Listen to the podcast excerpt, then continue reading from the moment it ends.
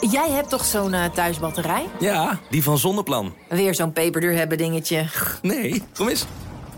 Voilà, 20 kilowattuur aan duurzame energie. En? En binnen vijf jaar terugverdiend. Joh, van uh, wie was die ook alweer? Zonneplan. Ontdek jouw revolutionaire rendement op zonneplan.nl.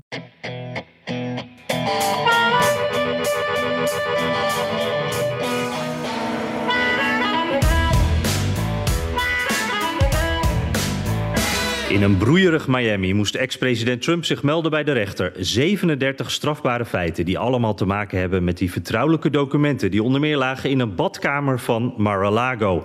Marmer, een kroonluchter, een Walmart douchegordijn en staatsgeheimen. Maar Trump is natuurlijk onschuldig. Today we witness the most evil and heinous abuse of power in the history of our country. Very sad thing to watch. A corrupt sitting president had his top political opponent arrested on fake and fabricated charges of which he and numerous other presidents would be guilty. Right in the middle of a presidential election in which he is losing very badly. Ja, waar hebben we dit allemaal eerder gehoord? Nou, bij de eerste twee impeachments bijvoorbeeld, het Mueller-onderzoek, de rechtszaak van A.J. Carroll. Ja, eigenlijk elke keer als Trump ergens van beschuldigd wordt, blijven zijn supporters dit slikken als zoete koek. Dit is aflevering 184 van de Amerika-podcast. Mijn naam is Jan Posma vanuit een zonnig en heet Miami deze keer met een heerlijk vers kopje koffie. En ik ben Bernard Hammelburg vanuit de studio Uiteraard ook met koffie, maar veel belangrijker. Wij staan, Jan, onder het toeziend oog van André dit keer. de, de componist van onze tune, de tune van de Amerika-podcast. Ja. En, uh, en een veteraan. Ik voel ook heel veel vertrouwen als ik weet dat hij precies, meeluistert. Precies, we hebben een veteraan aan de knoppen. Fijn gevoel. Ja, wat willen mensen meer? hey Jan, je zit in Miami. Ja. Um, was je daar toevallig voordat Trump er was? Ja, dat was een beetje gek. Dat loopt soms zo. Uh, wij, wij, passen op een uh, huis van kennissen in Miami. dat is een mooi buitenkansje om, om die stad wat beter te leren kennen en daar eens wat langer te zijn. Het is eigenlijk een beetje vakantie ook. ik heb ook familie op bezoek hier. Mijn ouders zijn hier, dus het is echt het is hier heel gezellig en het is heerlijk weer. Miami is een leuke stad, dus ik was echt even afgeleid. Dit was allemaal heel lang geleden gepland. maar ja, toen kwam precies, viel ik met de neus in de boter eigenlijk, want toen kwam dat moment bij het gerechtsgebouw dat Trump zich niet in New York of ergens anders moest melden, maar in Miami, waar ik dus uitgerekend net ook zat. Uh, dus ben net, ik ben toch eventjes gaan kijken natuurlijk daar. Um, en uh, ja, als wij uh, elkaar spreken, dan is dat inmiddels een dagje geleden, is dat gisteren voor mij. En het was echt een circus, het, een circus. Het was echt nog gekker dan in april in New York. Um, de, de, mensen die daar rondliepen, het was ook net als in New York trouwens ook wel van tevoren werd gedacht van nou het zou wel eens heel groot kunnen worden. Dat viel wel een beetje mee. Zo'n groot protest was het niet. Het was een beetje vergelijkbaar ook met New York denk ik. Maar eh, de mensen die er rondliepen, dan zie je dat dat gek in New York weer wat anders is dan gek in, uh, uh, in, in, in een staat als Florida. Um, ik zag bijvoorbeeld uh, nou, heel veel christelijke symboliek. En en dat, ik noem dat even gek ook, omdat dat dan gecombineerd wordt met Trump. En dat maakt het iets, iets raars om te zien. Uh, ik zag bijvoorbeeld een vrouw met een, kruis wat ze omhoog hield. Pray for Trump stond daarop. Uh, er kwam een grote pick-up truck. Uh, er reden steeds pick-up trucks allemaal rondjes rond het terrein. die hadden allemaal vlaggen en, en nou, Trump-vlaggen. je kent het allemaal wel. Maar een daarvan had ook een schildering van Trump op de zijkant... met een, een Jezus-figuur achter Trump... die hem zo op zijn handen op de schouders legt... alsof hij hem aan het zegenen is nou, toch wel behoorlijk extreem. En er werd letterlijk gebeden voor Trump. Al die Amerikaanse vlaggen waren er natuurlijk. Ook QAnon-tekens heb ik weer veel gezien. Biden die werd met allerlei dictators vergeleken. Dat, dat was ook wel heel heftig. En ja, de, de, het raarste was een man met een varkenshoofd op een stok gespiest. Um, ik geloof echt dat dat een echte varkens, uh, varkenskop was. Heel heftig. En, ik heb hem ook gevraagd van, jee, waarom doe je dat nou? En toen kwam hij met een heel onsamenhangend verhaal over dat boek Lord of the Flies. En, en nou, ik snapte er eigenlijk helemaal niks van. Maar, echt een hele rare, rare broeierige situatie daar. Want het was natuurlijk heel warm en gewoon heel druk met mensen. En, en, en allemaal ja, heel excentriek en, en gek volk eigenlijk. Ja, nou ja, we hebben heel veel beelden gezien. Um, BBC uh, World, meen ik, heeft het allemaal keurig uitgezonden in Europa, CNN trouwens ook. Maar ik was in Frankrijk en daar. De Fransen zijn te nationalistisch, Jan, om in hotelkamers CNN te hebben. Um, Ja. dus, maar, maar de BBC, dat kan dan klaarblijkelijk nog. Want er, ja, er zijn tenslotte veel Frans sprekende mensen. Maar in geval, daar heb ik dus op gekeken. Naar wat jij nu beschrijft. Eh, maar wat jij, jij ge- geeft mooiere details. Ik heb, niet, ik heb geen varkenskop gezien. En ook geen mevrouw met een groot kruis. Maar je stuurde een fotootje. Zag ik net. Dus, eh, dus nu heb ik een wat ietsje betere voorstelling eh, van zaken. Maar wat we wel hebben gezien was dat die hele menigte... nadat de, de, Trump formeel in staat van beschuldiging was gesteld... eh, weer in de auto stapte en daarna bij een restaurant, bakery stond daar, uitstapte. En daar kwamen, Ja. kwamen ook allemaal geestelijken van verschillende godsdiensten... die daar heel hard begonnen te bidden. Eh, ik zag een, ik meen een rabbijn en ik zag een, denk ik, protestantse dominee en nog iemand anders. Ja, En- klopt. en die begonnen meteen heel hard te bidden met zo'n heel, zo'n hele menigte vol.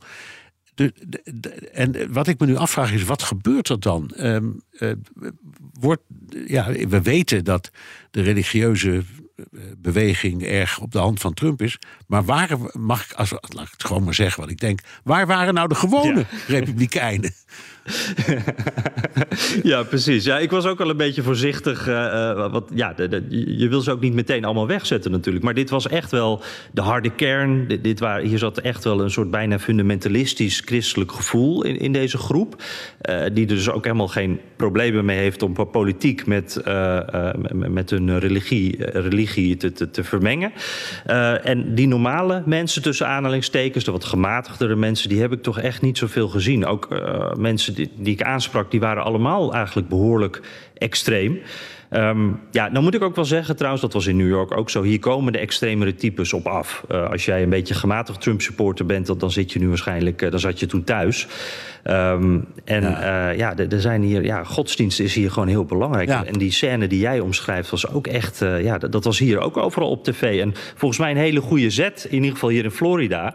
Eh, er was veel aandacht voor en mensen zien dat echt als een soort bevestiging. Want zie je wel, eh, we, hebben, ja, we, hebben, we hebben God aan onze zijde. Dat Ja, is eigenlijk het gevoel. Dat is inderdaad, dat, precies dat gevoel had. En dan, nou ja, eh, de, de burgemeester Suarez had gerekend op misschien wel 50.000 demonstranten. Dat viel dus eh, reuze mee.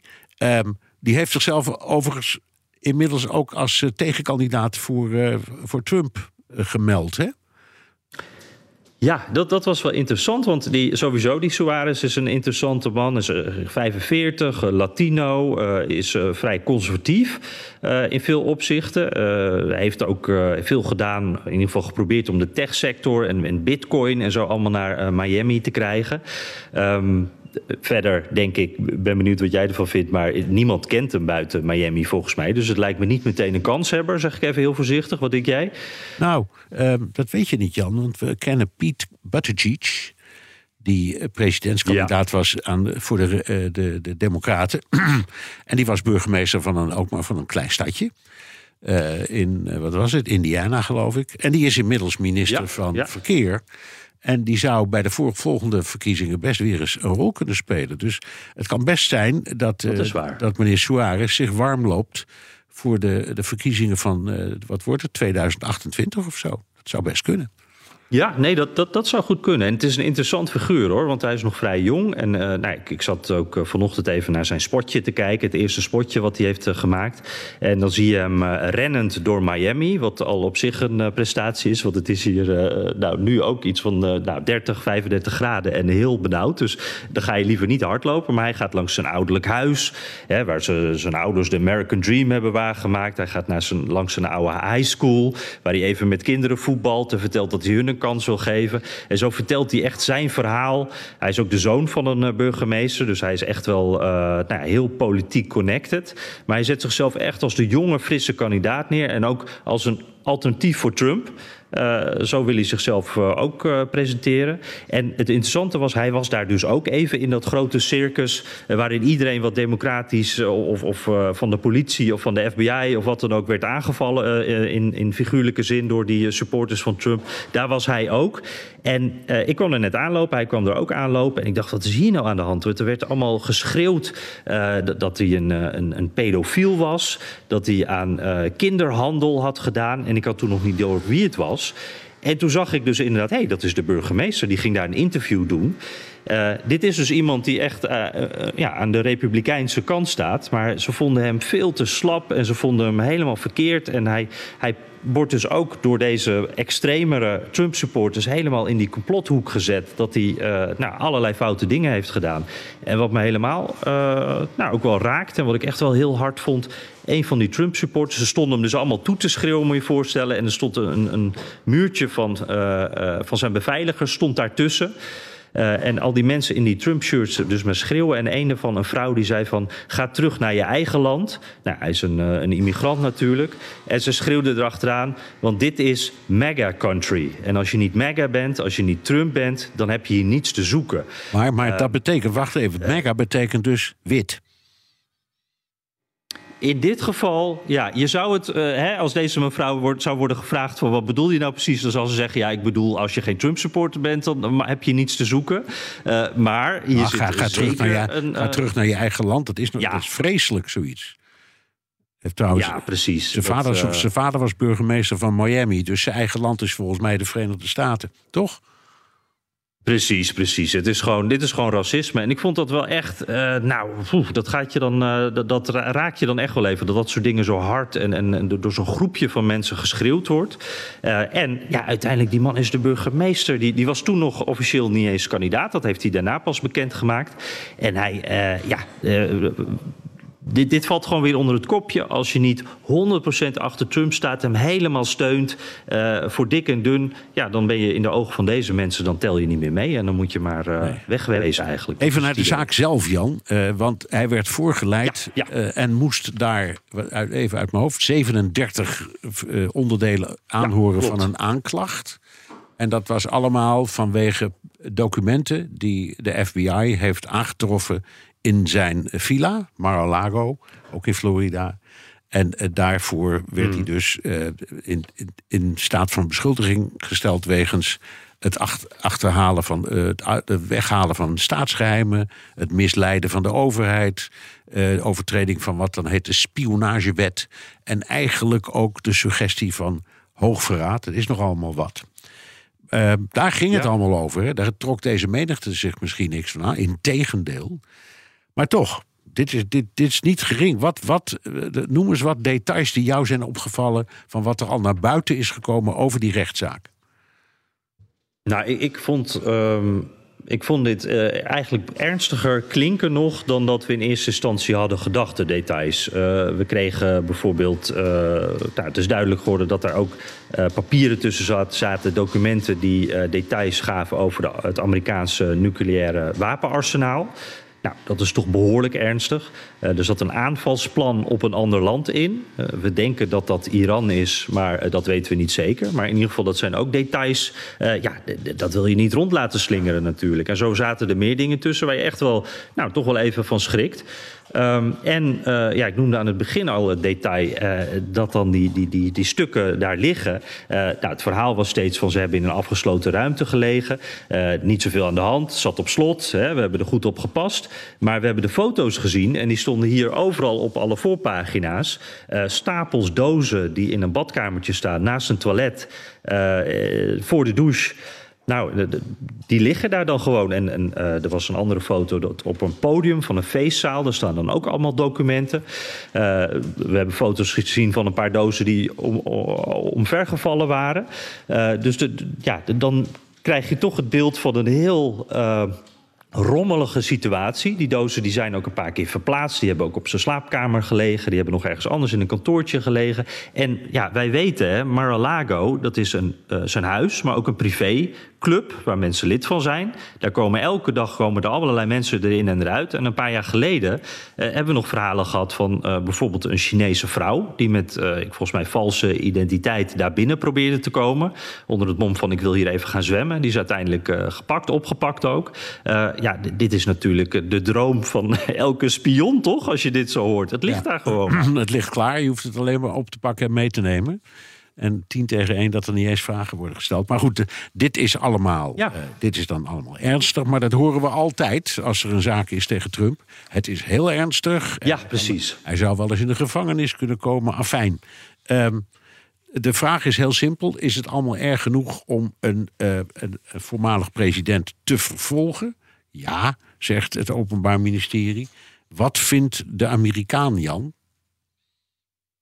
Nou, ik, ik merk. ehm, dit doet me een beetje denken eh, aan eh, die eerste impeachment. Toen het over Oekraïne ging. Hè, dat telefoontje van Trump naar Zelensky toen. eh, waarin hij zei: van je moet Biden onderzoeken. En, en zijn handel en wandel met Burisma. Anders dan kan ik misschien een levering van wapens of geld voor wapens. kan ik dan stilleggen. Dit was nog allemaal voor de oorlog natuurlijk. En toen. Uh, zag je een heel duidelijk verschil in reacties. Namelijk dat democraten die zeiden van... ja, maar wacht even, hij gebruikt nu het ambt van president... om een tegenstander uit te schakelen. Uh, dat mag niet, dat kan niet. En, en uh, bovendien, we hebben allerlei belangen in Oekraïne. Dat is ook echt, echt gevaarlijk. En republikeinen die reageerden daar eigenlijk helemaal niet zo op. Die vonden dat helemaal niet zo belangrijk. Die, die, die vonden dat eigenlijk uh, maar een politieke heksenjacht. Nou ja, dat is precies wat hier nu ook gebeurt. En ik, ik, ik bedoel, ik ben geen uh, uh, deskundige als het gaat om uh, geheime documenten, vertrouwelijke documenten. Maar als ik hoor dat daar dingen over atoomwapens in staan. En, en je weet hoe Mar-a-Lago wel goed beveiligd is, maar ook heel open is. En, en iedereen kan daar binnenkomen. Nou, niet iedereen, maar in ieder geval, er zijn heel veel manieren om daar binnen te komen dan denk ik wel, uh, dit is ernstig en dit is gevaarlijk. Maar je merkt dat uh, uh, republikeins Amerika, die, die trekt een beetje de schouders op. In ieder geval een deel van, het grootste deel daarvan. En die denken eigenlijk, ja, dat maakt me niet zo heel veel uit. Nee, de, de, de, de nieuwste kreet is stand with Trump. Hè? Ja, precies. En dat komt uit, uit Washington dan. Hè? Dat de Kevin McCarthy en andere republikeinen die allemaal zeggen van ja, maar hallo, dit is. Die gaan eigenlijk die, die slaan het stapje van wat is er aan de hand, wat heeft Trump uh, mogelijk verkeerd gedaan. Dat slaan ze over. Wat is de bewijslast? En die gaan eigenlijk meteen naar ja, maar dit komt van Biden, de Biden-regering. Dus uh, is dit een politiek uh, geladen afrekening ja. eigenlijk. Dat is het wat maar, ze zeggen. Maar, maar dus, de, nog een we vraag. slaan eigenlijk een hele stap over. Ja, maar de, de, de, de, de vrouwelijke rechter onder wie dit valt is een Trump-benoeming. Uh, weliswaar was deze, ik zal maar zeggen, regiezitting... In, in, in, die stond geloof ik onder leiding van een andere rechter... maar formeel is de zaak... Ja, een onder, andere rechter, ja. Onder, stond onder leiding van een, uh, een, een vrouw... die uh, eigenlijk helemaal niet zoveel ervaring had... en niettemin door Trump is voorgedragen als federaal rechter... en ook is benoemd door de Senaat destijds. Ja. En uh, nu zijn er allemaal mensen die roepen: ja, dit is een politiek spel wat hier wordt gespeeld. Um, en je hoort weer andere mensen die roepen: deze rechter moet weg, die moet worden vervangen door een ander. Als je dat doet, dan krijg je natuurlijk meteen de kritiek: ja, maar dat is dan weer een pro-democraat. Dus hoe, hoe, hoe, hoe komen ja. ze uit deze Gordiaanse knoop? De zaak is nog niet eens begonnen. Nee, nee, dit is onmogelijk. Die, die rechter gaan we zo ook nog even met, uh, met een uh, luisteraarsvraag bespreken, wat uitgebreider. Maar ja, ik, dit, dit blijft natuurlijk iets wat, wat er niet vrij uitziet. Dat een, uiteindelijk de Biden-regering een republikein vervolgt. En het is ook nog een keer een republikein die zich kandidaat heeft gesteld voor het presidentschap. Um, dat is ook wel, dan moet je vertrouwen in de overheid hebben dat dat systeem goed werkt en dat uh, die speciaal aanklager Jack Smith dat hij inderdaad onafhankelijk heeft gewerkt, uh, dat de minister van Justitie dus geen invloed heeft gehad op dat onderzoek van die Jack Smith. Uh, we hebben uh, hier in uh, Florida hebben we een, een, een, een, jury gehad die bepaald heeft van... hé, hey, ja, hier moet inderdaad een zaak van gemaakt worden. Dan moet je ook vertrouwen dat dat goed is gegaan. Ja, dus wie vertrouwen heeft in de overheid... die denkt, ja, dit is hoe het systeem hoort te werken... en niemand staat boven de wet... Maar wie daar geen vertrouwen in heeft, of uh, wie uh, luistert naar Donald Trump en dan automatisch dus geen vertrouwen ook heeft in het hele proces, die denkt van ja, nee, maar dit kan ook helemaal niet. Dit, dit, dit is allemaal zijn dat uh, democratisch aangewezen mensen. En zelfs wat jij noemt, zo'n rechter die dan eigenlijk een, een Trump-appointee is, daarvan wordt dan ook wel meteen, als die straks één keer iets negatiefs voor Trump beslist, ja, dan is dat ook natuurlijk iemand die tegen is ja. en die aan de verkeerde kant. En dan, en, en dan gaan ze er, en, en, en dan gaan ze er wraken. Ik bedoel, je ziet het allemaal zo gebeuren. Hè? En het, het, dan, het is helemaal een. een ja, ik, ik zeg altijd: Amerika is helemaal een binaire samenleving geworden. Met alleen nog maar links en rechts of nulletjes en eentjes of zwart en wit. Het is hoe je het nummer wil. En, en dat zie je in deze zaak ook. Een, een rechtszaak die wordt geopend na een onderzoek van een onafhankelijke aanklager. En dan, ehm, ja, en, en, eh, en dan onmiddellijk zie je het land in tweeën vallen. Want, nou ja, iedereen die ook maar iets met Trump heeft, Ja. die zegt: kijk, dit is, duid- dit is duidelijk. eh, ja, het, het- het- Biden maakt zijn staatsgreep af. Hè? Ja, precies, staatsgreep. Ja, ja. En, en eh, dat ze waren ook woorden die Trump zelf zo ongeveer gebruikte. Die had het erover van dit gebeurt in een fasci- eh, fascistisch of communistisch land. Ja, zoals Cuba, riep hij geblaf erbij. op de achtergrond. Ja, Ik, we passen op een hond hier en die is af en toe heel enthousiast als een andere hond langskomt. nou, of, of, dat hoor je. of, of hij is heel enthousiast als hij het woord republikein hoort. Dat kan ook, hè? Dat, dat kan ook, dat zullen we even testen. Ja. Trump. Nou, Ja hoor, ja, dit is er een. Dit Ja. is een, eh, ja. hey, en, maar Bernard, nog even een stapje terug. Want jij bent natuurlijk, eh, als het gaat om internationale diplomatiek... en eh, als het gaat om eh, oorlogssituaties, wapens... daar ben jij ook een deskundige. En ik ben wel even benieuwd hoe jij hier tegenaan kijkt. Want ik schrik dus als ik hoor van... hé, hey, daar liggen allemaal... di- dit waren de dingen die daar lagen... en die lagen daar redelijk open en bloot. Maar ja, er zijn ook genoeg relativerende stemmen te horen hierin. Hoe, hoe kijk jij hiernaar? Hoe uitzonderlijk is dit?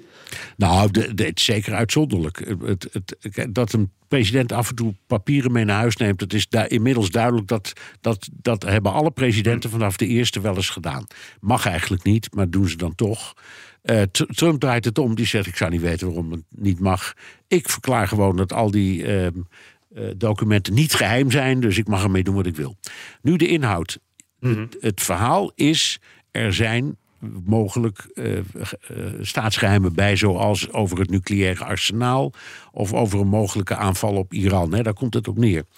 Ehm, de vraag is, Jan, eh, de- we hebben nog geen bewijs gezien, we hebben alleen een aanklacht gehoord. En ik vind dat we altijd terughoudend moeten zijn met rechtszaken. Trump is onschuldig tot zijn schuld is bewezen.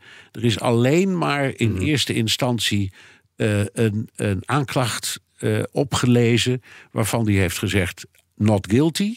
Nou, dat betekent dat nu een hele lange procedure in gang wordt gezet om te kijken of het waar is en hoe die rechtszaak eruit gaat zien.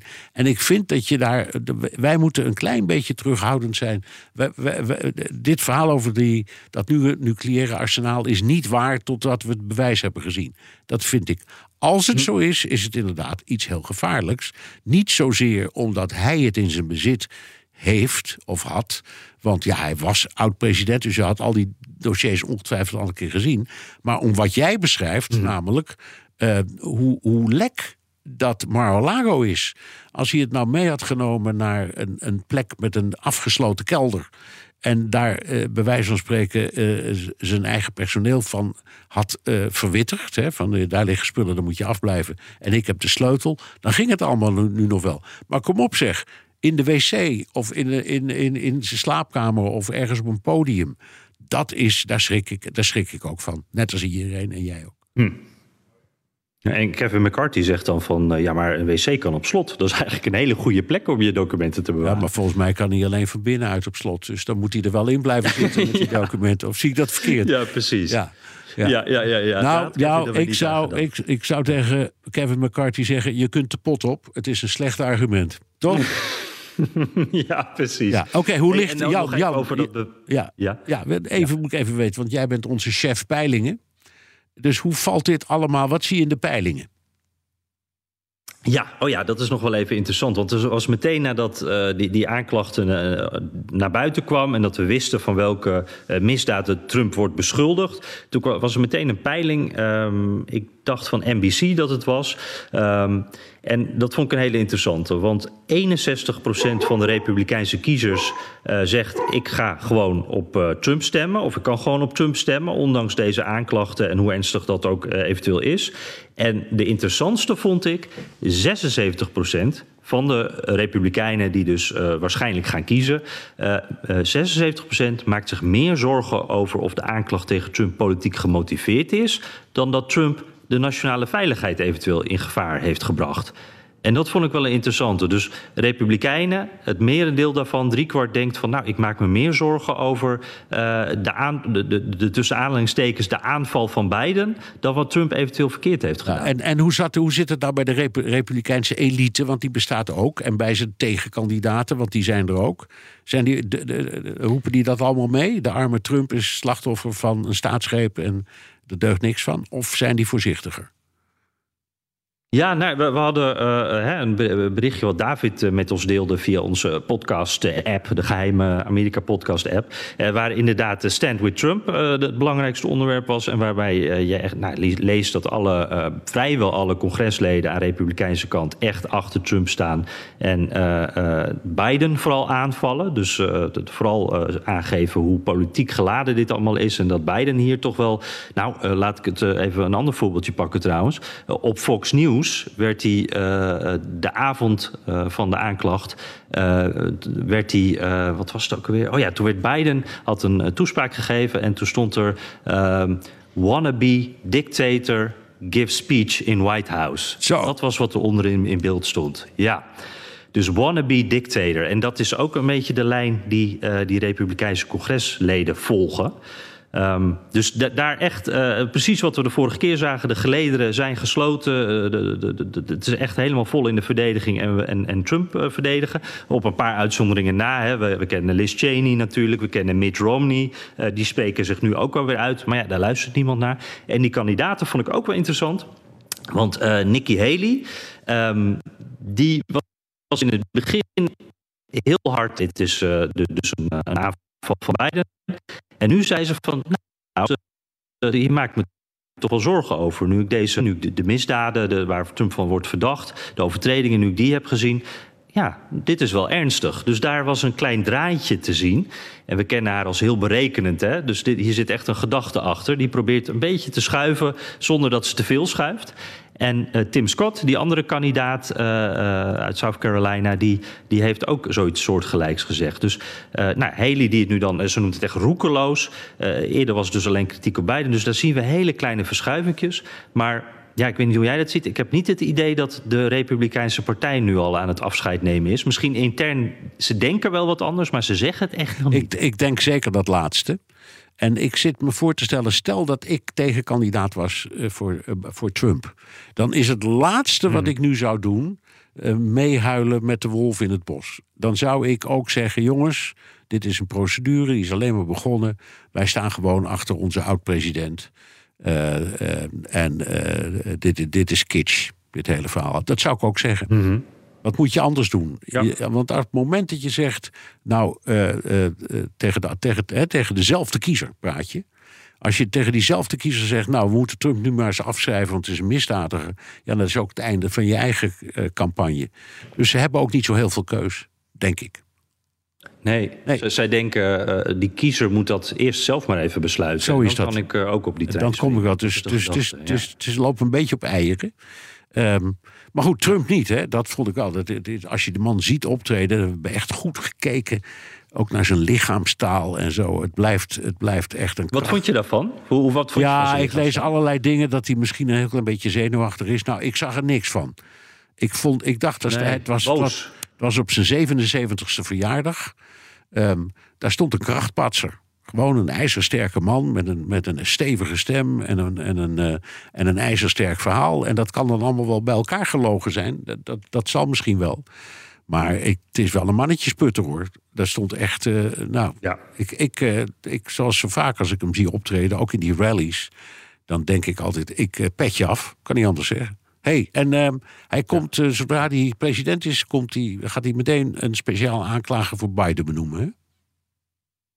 Ja, dat is, dat is ook alweer interessant, hè? want um, de kritiek dus van Republikeinen is: uh, dit, is een, uh, dit is politiek gemotiveerd. Jullie willen Trump uitschakelen. En wat zegt Trump? Zodra ik president word, dan doe ik het tegenovergestelde. Dan ga ik duidelijk met politieke redenen, ga ik Biden uh, ga ik, onderzoeken. En die komt achter de tralies terecht. Ja. en, en, een impeachment, daar kun je nu op. Hè? Toch? Ja, precies. Ja. Precies dat hele rijtje. En, en de, de- dit is de, de, de, in, in grotere lijnen is dat ook gewoon de tactiek die aan, aan de Trump-kant eh, zit. Eh, we hebben nog steeds eh, dat er allerlei verhalen naar buiten komen over nou, de, de handel en wandel dus van met name Hunter Biden. Ehm, daar zou Joe Biden dan ook wat mee te maken hebben. Die zou er ook geld voor hebben ontvangen. Eh, Trump had het ook over de Biden crime family. Dus alsof, of alsof het een soort maffiafamilie is. Ehm, het lastige daarbij is dat we nog steeds geen bewijs daarvan hebben gezien. Eh, die Republikeinen die hebben een of andere commissie opgetuigd. Die hebben met een klokkenluider gesproken. En die heeft allerlei dingen, roept hij. Dat, dat hij bewijs heeft voor van alles. Allerlei dingen waar Joe Biden ook bij betrokken is. Alleen we hebben daar nog geen enkel bewijs van gezien. Het is één persoon die dit zegt. Eh, die zegt ook bijvoorbeeld opnames te hebben. Nou, ik zou denken, laat dat dan horen. Dan willen we het ook weten. Maar dat bewijs, dat krijgen we niet te zien. En daar word ik een beetje achterdochtig van. Want de Republikeinen proberen dit al een hele tijd. Maar Trump die eh, sorteert daar dus ook op vooruit. Van hé, hey, die, die eh, Biden crime family. Als ik president word, ga ik dat aanpakken. Ja, nou. ehm, eh, het is een amusante kwestie als je even losmaakt van de, de, de juridische betekenis. Maar de manier waarop die man zoiets naar zijn hand zet, ik vind, ik vind het knap hoor. Toch? Het is ongelooflijk weer. Het is weer eh, ook nog- één kort dingetje hoor. Want we hadden ook een hele interessante luisteraarsvraag. die we ook even moeten gaan doen. Meer over de juridische kant. Maar wat mij ook weer opviel. Hij was naar buiten, te, dus te- vooraf. via eh, Truth Social en in de media. Hij schreeuwde en riep naar iedereen. Hij, hij viel Biden keihard aan. Hij viel Jack Smith aan. Eh, de- de- iedereen, justitie, eh, de FBI. Iedereen kreeg er voor langs. En in de rechtszaal. eh, ik was daar zelf niet bij natuurlijk. Was maar een heel klein groepje journalisten dat erbij mocht zijn. Maar ik begreep dat hij daar eh, helemaal stil was. En dat hij eh, daar dus. eh, dus hij is heel tactisch. Hij weet precies. Buiten de rechtszaal, daar kan hij eh, alles naar zijn hand zetten. En in die rechtszaal, ja, dan kan het niet. En dan is hij ook tactisch stil. En dat is echt Trump, want hij doet alles om zijn eigen positie te verbeteren. En dat, eh, dat is nu gaande. Oké, kom op met je luisteraarsvraag. Ja, ja, precies. Ja, want volgens mij, dit is echt iets. eh het is een hele leuke vraag. En ook eh, precies in jouw straatje. Want je begon er net uit jezelf al over. Tom Tempelaars, eh, hij zegt uit een zonovergoten Haarlem. Ja, het is ook lekker weer in Nederland. Hè? Ja. Ehm, hij is een, eh, ja, een, een bankjurist. En onder meer op het terrein van Amerikaanse sancties. Eh, dus dat is sowieso heel interessant. Hij heeft interessante tijden, denk ik ook, eh, op dit moment. Hij zegt, eh, luister wel met name als liefhebber van politiek en geschiedenis naar jullie met veel plezier. En hij heeft dus wat vragen over die roemruchte, of beter gezegd beruchte, schrijft hij, mevrouw Eileen Cannon. Dat is die rechter waar we het eerder over hadden. Die op willekeurige basis is geselecteerd om als rechter de federale strafzaak tegen Donald Trump te overzien. Nou, een paar vragen. Ze zijn allemaal goed. Ik begin even met de eerste. In hoeverre en dit heb ik ook van meer mensen gehoord. In hoeverre geloven jullie dat dit inderdaad willekeur was? Ben ik nu een complotdenker als ik hier niet in geloof? Eh, of ben ik een naïveling als ik dit wel aanneem? Ja. Hoe, eh, ja, is het toevallig dat er nou net iemand die is aangewezen ooit als Trump, die is aangesteld door Trump als rechter, dat dat, en ook alles positief in zijn, eh, voor hem heeft geoordeeld, dat dat nou juist de persoon wordt die deze zaak gaat leiden? Ehm, ik heb de neiging om eh, te zeggen dat, dat, eh, eh, niet, dat daar geen complot achter zit. Omdat zaken allemaal, bij mijn weten, uit een soort van, ja, ik zal maar zeggen, een, blinde zak met loodjes worden getrokken. Zo, het is niet helemaal zo, maar daar komt het wel op neer. Dus ik geloof niet dat ze op zoek gaan naar iemand die dit gaat berechten. Maar dat ze zeggen, hier heb je een, een hele groep eh, federale rechters die eh, in aanmerking komen. En dan pak je een papiertje eruit. Er stond toevallig haar naam op. Dat is wat ik denk. Het is zoals het meestal werkt. Eh, dus nee, ik geloof nog niet dat het een complot was. Het is ook het enige wat we kunnen geloven. Hè? Omdat we gewoon, ja, we weten natuurlijk, we zijn er niet bij geweest. Nee. Je moet er maar van uitgaan dat dat dus goed gaat. Het valt me wel op dat Trump wel vaker eh, rechters krijgt die, eh, ja, die hem eh, goed gezind zijn. Dat klopt, maar hij heeft- ik heb het idee dat ook. Hij heeft ook een enorme, veel hoeveelheid, voorge, enorme hoeveelheid voorgedragen. Ja, Ja, dus, ja, dat is ook zo. Ja. ja. Nou, hey, en, ehm, en dan wil je ook nog weten, dat is ook een goede vraag. Hoe groot was dan de pool van beschikbare rechters? dat weet ik niet. Ehm, Ik weet ja, het ik, niet. Nee. Ja, ik heb even gekeken. Ik, was, ik vond het toch een hele goede vraag. Ehm, ik, ik weet in ieder geval eh, nu dus dat in het, eh, eh, in het Southern District van de US District Court... dat er drie rechters zitten. Ik weet niet helemaal zeker of dat dan ook de pool is geweest waaruit is gezocht. Maar dan zou het dus 1 op 3 zijn. Ehm, ja, dat, uh, ik weet dat ook niet precies. Uh, maar het lijken er drie. Uh, hoe schatten jullie de kansen in dat Jack Smith, de, de, aanklager of de speciaal onderzoeker of justitie erop aandringen dat Cannon zich terugtrekt of dat er een wrakingsverzoek wordt ingediend? En ja, dat moeten we misschien even uitleggen ook, want eerder heeft zij dus, uh, was de vraag van, uh, mag de FBI al die geheime documenten, of, of eigenlijk alle documenten die gevonden zijn op Mar-a-Lago, mogen ze die al inkijken? En toen heeft zij geoordeeld dat dat niet mocht, in het voordeel van Trump, dat wilde Trump graag. En zij is later toen terecht gewezen uh, door een andere rechter. Dus ze wordt daardoor ook gezien als een, nou, als een beetje een pro-Trump rechter, zullen we maar zeggen. Ja, nou, ik kan me niet voorstellen dat geen wrakingsverzoek komt. Maakt niet uit van welke partij en op welk moment, maar dat zou ik in zo'n proces altijd doen. Als, als, ik de, als, ik, als ik de advocaat zou zijn, zou ik altijd mijn hand opsteken en zeggen: Deze rechter, wij hebben geen vertrouwen in deze rechter, wij, wij wraken haar. Dat had ik, zou ik onmiddellijk doen. Uh, los van de vraag nog of daar juridische aanleiding toe is. En dan maar kijken waar het schip strandt. Ik heb geen idee. Hm. Nee, nee, ja, interessant. Dus tactisch eigenlijk. Ja, absoluut. Hey, en de, de laatste vond, vond ik ook een leuke. Uh, ja, wat is nou precies dan de, de invloed eigenlijk van deze rechter kennen? Waar kunnen dan uh, dingen ja, in het voordeel van, van Trump uh, uitvallen? Nou... Ja, ik, ik, las in ieder geval... Ja, ja, ja, nou je hebt, je hebt iets wat nu eerst gaat komen. Hè, en dat heet discovery. Dat heb je in het Nederlandse recht ook. Dus de partijen hebben de juridische plicht om het bewijsmateriaal dat ze hebben met elkaar te delen. Uh, dat gebeurt onder toezicht van de rechter, maar dat is een plicht. Als je dat niet hebt gedaan, dan verlies je automatisch. Hè? Dus het bewijs dat uh, bijvoorbeeld Jack Smith heeft gevonden tegen uh, Trump, dat moet hij allemaal delen met de verdediging van met Trump zelf en dienstverdedigers. En andersom ook. Hè? Dus als, als, als het Trump-team denkt, we hebben belastend materiaal over de aanklager of wat dan ook, dat moeten ze allemaal delen. Uh, en dat is nu de het eerste stadium wat nu volgt. Het doet er helemaal niet toe wie zo'n zitting voorzit. Dat doet er niet toe.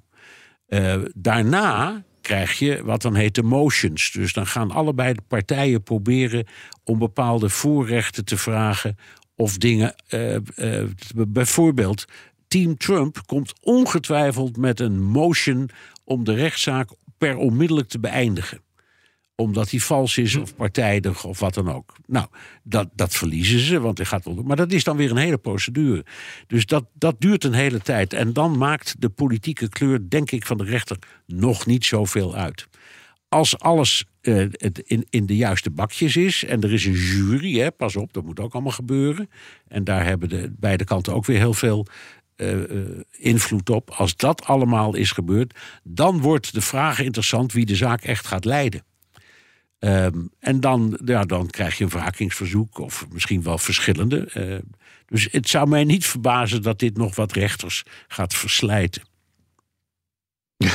ja, zoals Trump zijn advocaten ook verslijt, ja. uh, dat er misschien ook nog wel wat rechters worden versleten. Ja, ja. interessant. Ja, een van de dingen waar, waar, ik aan moet denken, het is natuurlijk in Trumps belang, zoals bij elke rechtszaak tegen hem, uh, om het zo lang mogelijk te rekken. Want uh, stel dat deze rechtszaak uh, doorloopt tot na de verkiezingen en Trump wint die verkiezingen, dan kan hij gewoon een minister van Justitie aanstellen en die hem gaat helpen. En dan zou deze zaak dus sowieso stopgezet kunnen worden. Ja. Zou, ja, ik heb, krijg dan het idee, als een rechter hem zou willen helpen, dit is een beetje complotdenken dus, want die rechter moet ook gewoon haar werk doen natuurlijk, maar dan zou vertragen, zou denk ik de makkelijkste tactiek zijn. Ja, en dat gaat zeker gebeuren. Oké, okay, Jan. Nou. Dit lijkt mij een goed moment om de Amerika-podcast even te onderbreken voor een mededeling. Jan, gaan we naar de, de andere luisteraars vragen. We hadden er dus alle één gehad van ja. Tom. Uh, die vragen zijn welkom via de e-mail of via de Amerika Podcast WhatsApp.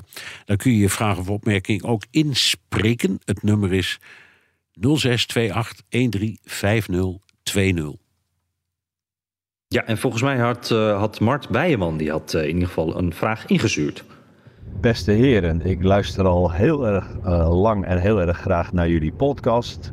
En ik heb een vraag die ik nog niet voorbij heb zien komen, althans het antwoord daarop. In hoeverre is al bekend met welke running mate Donald Trump de verkiezingen in zou willen gaan? Is dat al bekend of is dat niet zo belangrijk? Ik heb daar nog weinig over gehoord. Ik ben erg benieuwd. Ik hoop dat jullie daar antwoord op kunnen geven. Alvast bedankt. Nou, kunnen we wel, denk ik. Het antwoord is nee, er is geen running mate. En dat is ook niet zo gek. Want in het algemeen kiezen presidentskandidaten hun running mate pas redelijk laat in de procedure. Um, dus dat kan zijn als de voorverkiezingen beginnen in februari, of soms zelfs daarna. En uh, de, de kampioen was Ronald Reagan. Die heeft de naam van zijn running mate pas bekendgemaakt op zijn acceptance speech op de Republikeinse conventie. Dus toen heeft, hmm. ja, pas daar heeft hij bekendgemaakt dat dat George Bush zou worden. Uh, dus het kan op elk moment, maar dit is veel te vroeg. Moet hij nog niet doen. Zou ook heel tactisch heel onhandig zijn. En, en, nou, maar hij zit wel na te denken. Wat mij ook wel opvalt, is dat bepaalde mensen, bijvoorbeeld een Carrie Lake, die uh, politicus uit.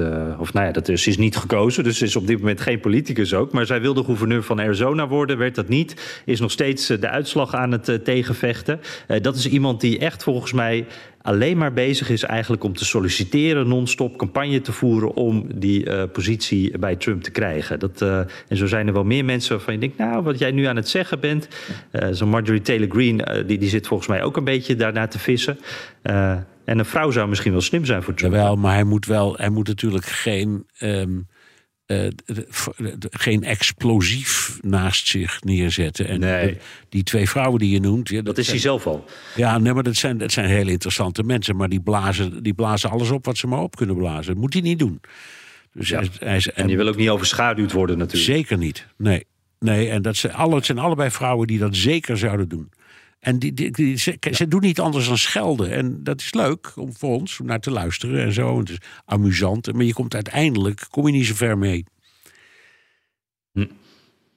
Nee, precies. Nou, uh, we volgen dit in ieder geval uh, op de voet. En uh, op dit moment, ja, het, het, is ook nog niet echt dat het enorm aan het rondzingen is van hé, hey, dit, dit zou hem kunnen worden of deze. Of, ja, dus we, we, houden het in de gaten. En dat komt vanzelf natuurlijk. Dat, die geruchten die komen wel. Dus dank voor de vraag. Rutmer Velstra dan. Um, ja, die zegt van uh, uh, sowieso is hij al vier jaar lang luisteraar. Dus uh, chapeau, daar zijn we blij mee. Wow. Um, eerste keer dat je vraag stelt. Uh, twee weken geleden een groot verhaal in de Volkskrant over de Nederlandse denktank HCSS. Opgericht door jullie collega Rob de Wijk. Ja, natuurlijk, Boekenstein en de Wijk. In het stuk wordt gesproken over geldstromen, transparantie en daarmee ook de onafhankelijkheid van het instituut. Ik weet dat er in Amerika veel van dit soort denktanks zijn. Vraag me af hoeveel invloed die hebben op de Amerikaanse politiek. En zijn ze onafhankelijk of altijd uh, gelieerd aan een van de beide partijen? Uh, nou, helemaal zeker weten doe ik dat niet. Maar voor mij, voor wat ik ervan weet, is, uh, de, uh, is het antwoord ja. Al die denktanks, of dat nou in Nederland is of in de Verenigde Staten, die leven van opdrachten die ze krijgen van regeringen of van bedrijven die eh, ergens in een land zaken willen doen en eh, advies willen hebben over de omstandigheden. Uh, of ze krijgen vragen om hele uitvoerige politieke analyses. En de meeste denktanks hebben in hun, uh, ik zal maar zeggen, in hun statuten opgenomen dat ze, uh, waarvan ze leven, maar ook dat ze hun deskundigen beschikbaar stellen voor informatie en voor de media. Dus dat, dat, dat is heel normaal. En je hebt bijvoorbeeld in New York, de enige die niet in Washington zit, maar in New York is de Council, Council on Foreign Relations altijd een heel klein beetje republikeins leunend, maar te slim om dat echt te zijn. En die wordt vaak de schaduwregering van Amerika genoemd.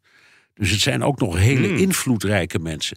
Maar je hebt Brookings en je hebt, nou noem ze allemaal maar op. Je zult ongetwijfeld er al een paar hebben geconsulteerd of ergens langs zijn geweest. Ze zijn, hun deuren staan altijd open voor journalisten. Maar het zijn inderdaad mensen die geld verdienen aan hun adviezen. Ja, ja, ze zitten bij mij uh, in Washington om de hoek een paar. Brookings inderdaad en ook uh, American Enterprise. Ja, dat is, een, een, dat is een uitgesproken republikeinse. Ja, dat is waar... Um, ja. Um, hoe heet ook weer die Nederlandse... Ayaan Hirsi Ali ah, Ayaan Hirsi Ali is daar naartoe gegaan toen ze Nederland verliet. Ja, dus, dus nou, en, en die zijn dat ook met open vizier. De, de American Enterprise Institute heeft nooit iets anders gezegd dan dat ze uh, uh, pro-republikeins zijn. Dus er is niks geheimzinnigs aan. Nee, precies. Ik zal nog even als tip meegeven Dark Money. Dat is een boek van Jane Meyer. En dat gaat heel erg over de rechtse kant. Uh, de Kochbroers. nou, er er inmiddels nog maar eentje. Maar die hebben echt, dat zijn miljardairs. Die een, een, netwerk aan instituten en opleidingen. En, Ja. en, dat soort dingen hebben opgezet. En dat is echt een soort spinnenweb. wat aan alle kanten invloed uitoefent. op de dingen die zij belangrijk vinden. Heel Ja. interessant om te Ja, en die hebben Trump in het zadel gezet. En daarna gezegd dat ze zich terugtrokken uit eh, de, de Trump-periferie. Dus ze hebben spijt gekregen. Hè? Ja, precies. Ja, interessant. hey, eh, Elvira Tibel Clemens, die had een audiovraag. Hoi Jan en Bernard. Ik zit hier nu op mijn eh, zeilboot, geankerd naast het Statue of Liberty met uitzicht op de skyline van New York. Gelukkig zie ik nu weer een beetje skyline, want eh, nou, jullie gaan het vast over de bosbranden hebben. Maar het was wel heel belabberd hier vanmiddag. Wij zijn eh, vanmorgen eh, New York binnengezeild. Wij zeilen de hele oostkust eh, van Amerika, van Florida naar Maine en dan in de herfst weer terug. Maar nou, in het kader van de bosbranden vanmiddag zagen we dus echt de hele skyline niet meer. Het was een dikke gele mist. En nou, dat is toch wel erg angstig hoor, vind ik dat. Dat er dan zeg maar duizend kilometer of meer verderop ernstige bosbranden zijn, wat natuurlijk heel erg is. Maar dat dat zo'n effect hier heeft. Ja, de natuurramp. Eh, we hebben het eh, in, Ja. in een van de vorige podcasts met David over gehad. Want die was daar in Canada om voor de Duitse televisie reportages te filmen. Over die eh, bosbrand. En die, die nou, jij zult het ook zien, maar vanuit New York stuurt hij voortdurend fotootjes. Precies eh, zoals Elvira beschrijft. Dan zie je het mooie uitzicht dat jij ook kent vanuit eh, Studio Hammelburg in New York. En dan kijk je naar buiten en dan zie, dan zie je alleen maar bruine prut. Je kunt helemaal geen, niks, geen gebouwen meer zien. Ja.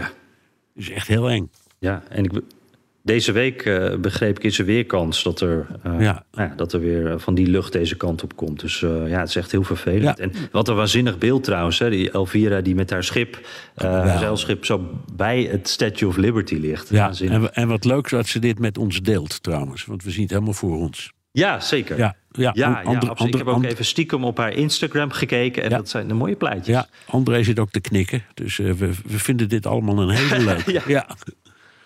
Zeker, zeker. Dank. Hey, en eh, nog een eh, mooie locatie. Dit is namelijk William van der Ark. En hij zegt tijdens mijn ritten op de vrachtwagen... door de Rocky Mountains geniet ik van jullie podcast. Nou, ook een beeld waar we wel eventjes wat we bij voor kunnen stellen. Geweldig. Ja. Ehm, hij, komt uit, ja, hij komt uit Canada, eh, dus eh nou, super mooi gebied natuurlijk. Eh, en hij vraagt zich af, jullie hebben het onlangs, nou, net nog ook zelfs, over de documenten gehad die gevonden zijn bij de heer D. Trump en president J. Biden. Trump wordt weggezet als crimineel en heeft een rechtszaak, maar we horen niks meer over president Biden, die ook documenten in zijn bezit heeft. Ja, komt daar eigenlijk nog een rechtszaak? Wordt hij nog aangeklaagd? Het Weet ik niet, zou kunnen, maar ik betwijfel het in zoverre dat eh, Biden op het moment dat dat werd ontdekt, zal ik maar zeggen, eh, meteen eh, heeft meegewerkt. De FBI zelf heeft gewaarschuwd, zijn medewerkers instructies heeft gegeven. Geldt ook voor eh, Mike Pence, de vicepresident. Die bleek ook materiaal in huis te hebben. Ook die heeft zelf meteen medewerking toegezegd en geholpen. Ik weet niet hoe ernstig inhoudelijk dit is. Dus het zou best kunnen hoor, dat ook daar nog een strafzaak uitkomt. Maar het grote verschil met Trump is dat de anderen, bij wie dit is gebeurd, onmiddellijk eh, op alle mogelijke wijze hebben meegewerkt met eh, politie en justitie. En dat is altijd heel belangrijk in de beoordeling van een strafzaak. Ja, ja, want dat is ook een belangrijk onderdeel van, van de strafzaak tegen Trump. Dat er zelfs opnames eh, schijnen te zijn. In ieder geval hebben we transcripten gezien waarin Trump letterlijk vertelt: hé, hey, we moeten dit weghouden bij de FBI. ik wil dit houden. Dus ja, dat is natuurlijk wel een, een groot verschil met een Ja. President die, voor zover wij weten, mee heeft gewerkt, inderdaad. Dus, eh, Ja. En het onderzoek loopt nog, hè? Zo is het. Naar Biden. Ja. Hey, Gerard de Haas. Eh, ik vond deze echt heel origineel.